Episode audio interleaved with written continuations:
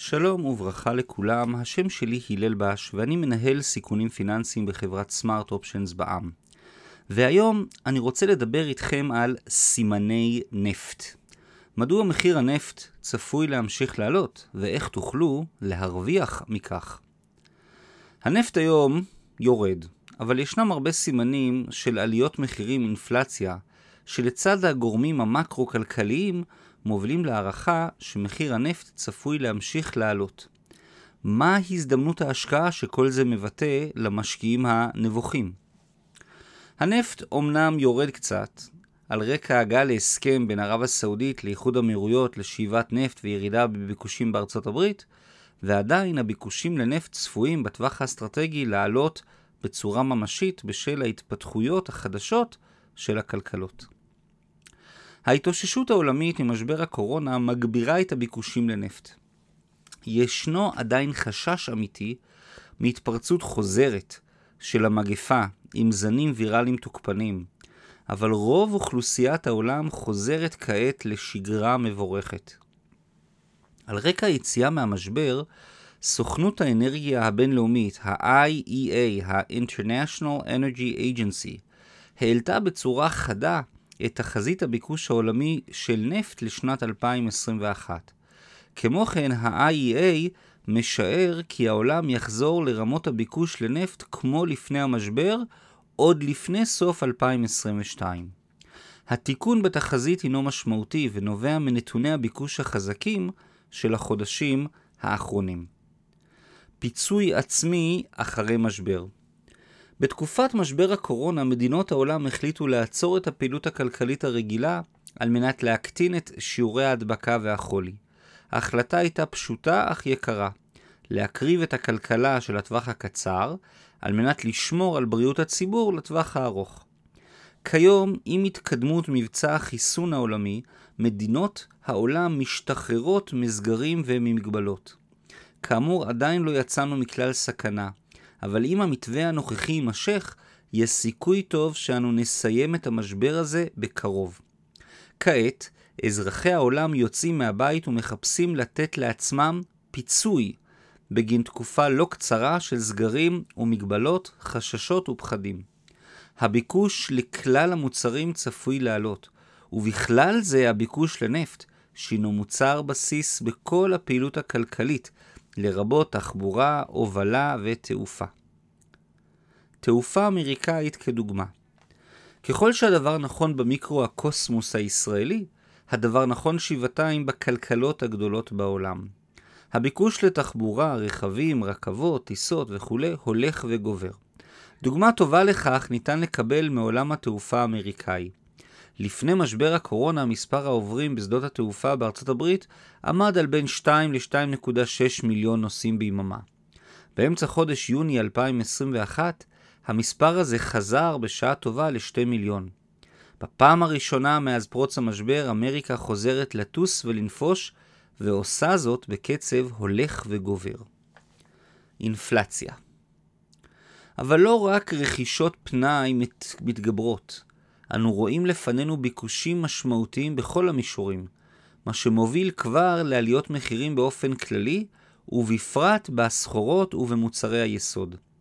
דוגמה בולטת היא מחיר הנפט, הברנט, שעלה בשנה האחרונה במעל 75% ונסחר כעת בסביבות ה-75 דולר אמריקאי לחבית.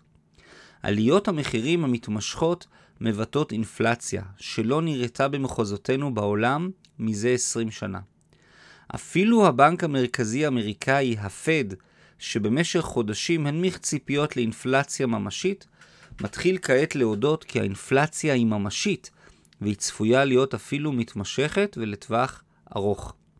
האינפלציה כבר כאן, והיא צפויה להמשיך הרבה מעבר לתקופת הפוסט-קורונה המיידית.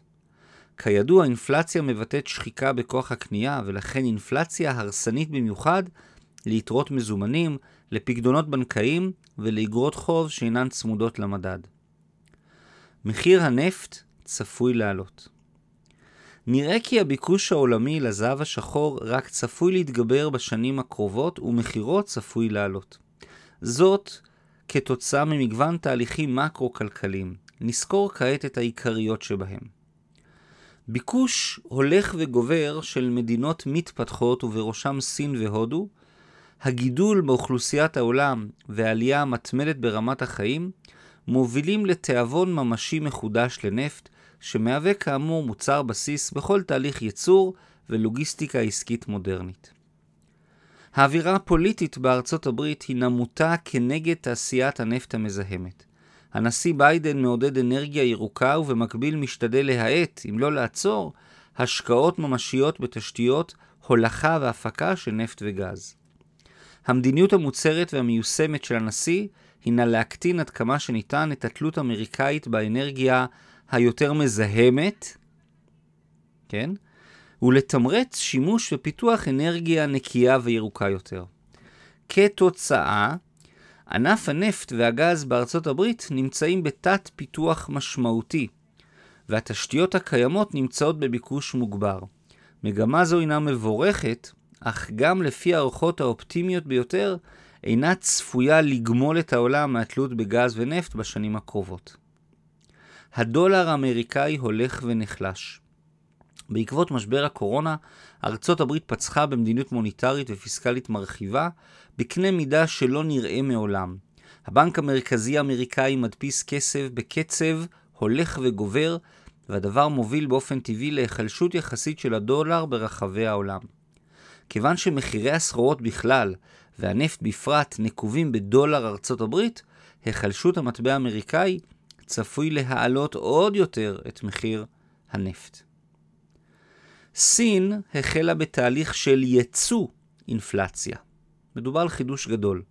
במשך שנים ארוכות סין הצליחה להרוויח מהלחצים האינפלציוניים העולמיים על ידי ייצוא דיפלציה לעולם. איך סין גרמה לרמת המחירים העולמיים לרדת? על ידי ייצור זול ויעיל.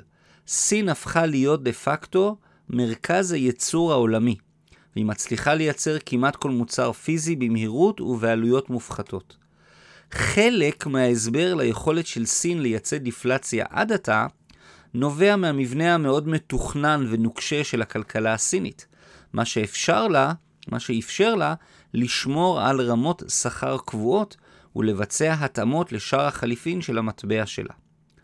כעת סין עומדת בפני חוסר שקט מצד האוכלוסייה, שדורשת בשעה טובה העלאות שכר, ומתמודדת עם דולר אמריקאי חלש במיוחד. היכולת של הממשל בסין נראית כעת יותר מוגבלת מהעבר, ולכן יש צפי לייצוא טבעי של אינפלציה שם, היינו להתהפכות המגמה שהייתה בשנים האחרונות. נכון הדבר שייתכן ומדינות ההפקה של הנפט, אופק פלוס, ארצות הברית, יגבירו את הייצור וינסו לעמוד בביקוש העולמי הגואה. אולם הסיכוי לכך נמוך, כיוון שגם להם יש אינטרס מהותי לשמור על מחירי נפט גבוהים והולכים. אולם, גם אם נקבל את הטענה שמחיר הנפט לא יעלה יתר על המידה, עדיין נותרו הזדמנויות השקעה ממשיות בענפי תשתיות קצת פחות מוכרות במשק האמריקאי. המשקיע הנבוך. אז איך ההבנה כי ישנם לחצים אינפלציוניים עולמיים על מחירי הנפט יכולה לעזור למשקיע הנבוך? המשקיעים כיום עומדים מול שוק הון הפכפך, עם נכסים יקרים ואפילו בועתיים, למשל בענף הטכנולוגיה האמריקאי. החשש מנפילות שערים במחירי המניות ממשי ומשמעותי. ישנן מניות שלא ניתן להבין כלל את ההצדקה הכלכלית למחיר השוק שלהם, המבטא אחוזי צמיחה דמיוניים שלא צפויים להתממש אפילו בתחזית האופטימית ביותר. מאידך גיסא, שוק אגרות החוב כולל ניירות ערך הנותנים תשואה נמוכה מאוד ואפילו שלילית.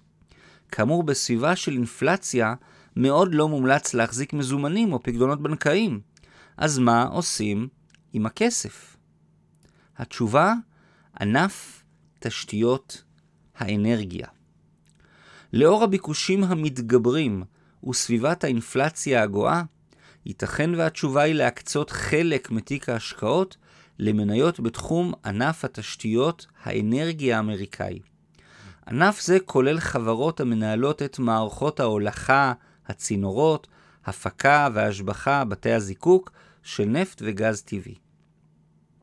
בתחום זה ניתן למצוא חברות פחות מוכרות, כמו אנטרו מידסטרים, כמו Enterprise Products Partners, כמו טארגה Resources, כמו Endbridge.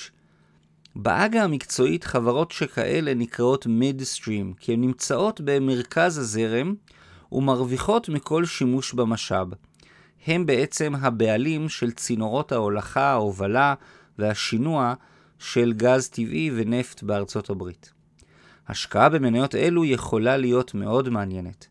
ראוי לשקול שינוי של הקצאת הנכסים האסטרטגית של תיק ההשקעות, כך שיכלול חשיפה מסוימת לענף חשוב ומשמעותי זה. היתרון כאן הוא כפול.